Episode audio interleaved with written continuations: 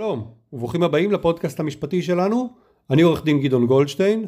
היום הייתי רוצה לדבר איתכם על החשיבות של מציאת עורך הדין הנכון למקרה הנכון.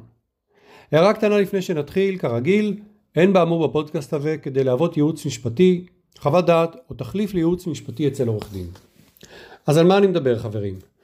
פעמים רבות חברים ומכרים פונים אליי ושואלים האם אני יכול לעזור להם. אולי במקרה אני יודע מה קורה כש... אולי במקרה אני יודע מה עושים כשנתקלים בבעיה כזאת או אחרת.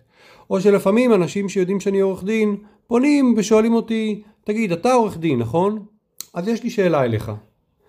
והרבה פעמים אני נאלץ לעצור אותם, ולמרות שאני מאוד מסביר ועוזר כמה שאני יכול בתחומים שאני מכיר, יש פעמים שאני פשוט נאלץ להסביר שבעולם המשפט יש מה שנקרא התמחויות. אולי קצת בדומה לעולם הרפואה. ואז אני צריך להסביר שאי אפשר לצפות שעורך דין ידע את הכל. ואולי כדאי שעורך הדין שהם בוחרים גם לא יהיה אחד כזה שמתיימר לדעת את הכל. ולמה כל זה?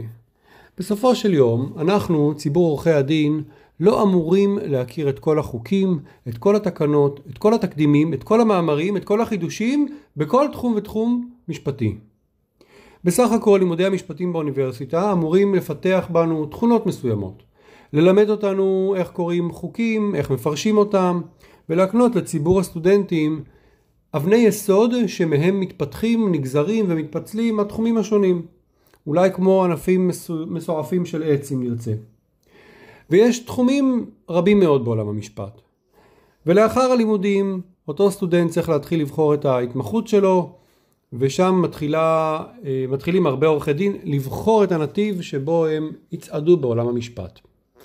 כך שאם תשאלו אותי, חלפו מזמן הימים שבהם עורך דין אחד ידע ויכל לעשות את הכל. ככל שהשנים חולפות, המשפט מתפתח, תחומי ההתמחות מתחדדים ומצריכים השקעה רבה כדי באמת לשלוט בתחום מסוים, כדי באמת להכיר את כל הדקויות ואת כל הפסיקה ואת כל ההתפתחויות האחרונות. אני רוצה לסבר לכם את האוזן ולזכור לכם על קצה המזלג קצת התמחויות בעולם המשפט כדי שתבין עד כמה הענפים האלה מסועפים. אז כולנו יודעים שיש עורכי דין שמתמחים בפלילי ויש עורכי דין שמתמחים באזרחי אבל יש גם במסחרי ויש גם במשפט ציבורי ומנהלי זאת אומרת אה, להגיש עתירות מנהליות או להשיב לעתירות מנהליות לטפל בבג"צים, במכרזים, ארנונה, היטלים שונים. יש עורכי דין שמתמחים בדיני משפחה, צוואות, ירושות, גירושין וכולי. יש עורכי דין שמתמחים בקניין רוחני, כלומר פטנטים, סימני מסחר, זכויות יוצרים. יש עורכי דין שמתמחים בנזיקין, שם למשל יש לנו תאונות דרכים, יש לנו רשלנות רפואית. יש עורכי דין שמתמחים בדיני עבודה, עולם ומלואו. יש עורכי דין שמתמחים בחדלות פירעון, כלומר פשיטות רגל של יחידים או פירוקים או הבראות של תאגידים. יש עורכי דין שמתמחים בלשון אה, הרע, יש עורכי דין שמתמחים בשוק ההון ובחברות ציבוריות, כלומר חברות שניירות הערך שלהם נסחרות או מוצעות לציבור. יש עורכי דין שמתמחים בהגבלים עסקיים. יש עורכי דין שמתמחים במיסים. יש מתמחים במיסוי נדל"ן בלבד. יש כאלה שמתמחים בעסקאות נדל"ן ומקרקעין, ויש כאלה שמתמחים בליווי סטארט-אפים, ביזוגים ורכישות, מימון, ותאמינו לי, זאת לא רשימה ממצה. אפשר, אם נרצה, גם לחלק את עורכי הדין לכאלה שמופיעים בבתי משפט, וכאלה שמתמקדים אך ורק בעסקאות ובהסכמים, וממש מתרחקים כמו מאש מבתי המשפט. אז מה בעצם דורשת uh, התמחות בתחום מסוים? קחו עורך דין, ליטיגטור מסחרי כמוני, שליטיגציה מסחרית וליטיגציית נדל"ן בפרט היא אחד מתחומי ההתמחות העיקריים שלי. מה זה אומר? מה נדרש מעורך דין בתחום הזה? כמה זמן נדרש כדי באמת לצבור ניסיון כדי לחשב מומחה בתחום? ובאיזה תיקים כדאי לצבור את הניסיון כדי לחשב מומחה כזה? אז קודם כל, לדעתי יש תנאי בסיסי שדורש להיות אה, משפטן מעולה ותנאי נוסף להיות יסודי.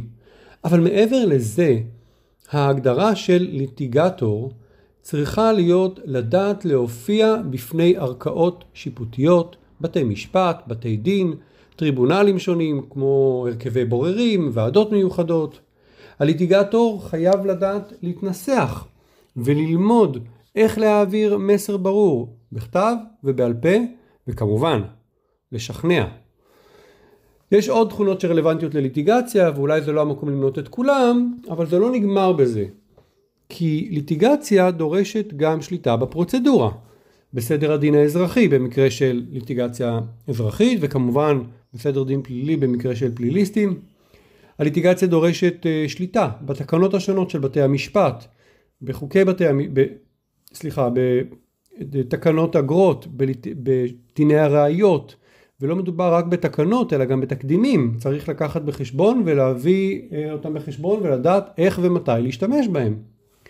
הליטיגטור צריך להכיר כללים רבים של ניהול תיק משפטי שחלקם אמנם נמצאים בפסקי דין, אבל חלקם הלא מבוטל הוא בגדר תורה שבעל פה, ואלה דברים שלא תמיד מתרגמים בפרוטוקולים או בפסקי דין, אבל הם בהחלט נוהג באולמות בתי המשפט, ורק הניסיון מקנה אותם לעורכי דין. מעבר לזה, וזאת ממש לא קלישאה, ליטיגציה דורשת בהחלט שימוש באסטרטגיות וטקטיקות לניהול התיק. אלו כלים של ליטיגטור טוב, אם הוא יודע איך להשתמש בהם, יכולים מאוד להשפיע לנו על ניהול התיק ועל התוצאה שלו. ושוב, מעבר לזה, כל תחום בליטיגציה דורש את ההכרה והידע של אותו תחום ספציפי. למשל, דיני בנקאות, נזיקין, אה, סכסוכי נדל"ן, סכסוכי שליטה בחברות, לשון הרע, חדלות פירעון, כל אחד ואחד מאלה ועוד רבים אחרים דורשים את הידע הספציפי, את ההכרה של התקדימים, של ההלכות, את ההכרה של השופטים, את ההכרה של הצד השני, כדי באמת להיות טוב ולהצליח בהם. ניקח עוד דוגמה, ניקח עורך דין שמתמחה בנדל"ן ומקרקעין, וגם שם יש צורך קודם כל בדין הבסיסי, כלומר בדיני חוזים, בדיני קניין, בדיני שכירות. אחר כך צריך גם לדעת את הפרוצדורה. תקנות רישום מקרקעין, מה קורה ברשות מקרקעי ישראל, אה, מה סדר הפעולות הנכון, אה, דרישות של הבנקים. אחר כך צריך גם לפתח את ההתמחות או תת ההתמחות, למשל מכר של דירה או רכישה של דירה יד ראשונה מקבלן או יד שנייה היא ממש לא דומה לליווי של יזם או דיירים בפרויקט של התחדשות עירונית או ליווי בעסקת קומבינציה. תחום התכנון והבנייה למשל זה ענף בפני עצמו. יש אה, עורכי דין שכל מה שהם עושים זה ללוות קבלנים ויזמים במהלך ביצוע של פרויקטים. יש משרדי עורכי דין שכל מה שהם עושים זה אך ורק מיסוי מקרקעין. אלה תחומים ממש כל אחד יכול לעמוד בפני עצמו למרות שלכאורה מדובר בעורך דין של נדל"ן, למרות שלכאורה מדובר בעורך דין של אה, מקרקעין. אז נגעתי כאן רק בשתי דוגמאות שלי באופן אישי יש איתם היכרות מעמיקה כיוון שאני גם עוסק בהן, אבל ברור שכל תחום בפני עצמו מחייב את הניסיון, הידע ולעיתים גם תכונות מאוד מיוחדות שמאפיינות את אותו עיסוק. כך על קצה המזלג אני אומר שליטיגטור שעוסק אך ורק בליטיגציה במהלך השנים יסגל לעצמו תכונות שונות מאלה שנדרשות מעורך דין מסחרי שעושה הרבה יותר חוזים ומשאים ומתנים מסוג שונה. אז אני חושב שהדבר האחרון שאתם כלקוחות רוצים, ולדעתי גם הדבר האחרון שעורך דין רוצה וצריך על הראש שלו, הוא לקחת על עצמו אחריות לטפל באיזשהו תיק, בבעיה או בעסקה או באיזשהו עניין שבהם אין לו ידע או ניסיון מספיקים. סביר להניח ששניכם, גם הלקוח וגם עורך הדין, תשלמו על זה מחיר ויש סיכוי לטעויות קשות שקשה להחזיר את הגלגל אחורנית אחר כך. אז נכון, אני חושב שעורך דין טוב, משפטן טוב, עם התכונות המתאימות, יוכל ללמוד ולהתמקצע בכל תחום שהוא ירצה בו. אבל הדבר הזה רצוי שהוא יעשה בליווי של עורכי דין שכבר מומחים בתחום, וממש לא כדאי להתחיל ולהתגלח על זקן של לקוח בפעם הראשונה בלי איזשהו ניסיון קודם בתחום הזה. אז מה רציתי לומר לכם כאן לסיכום?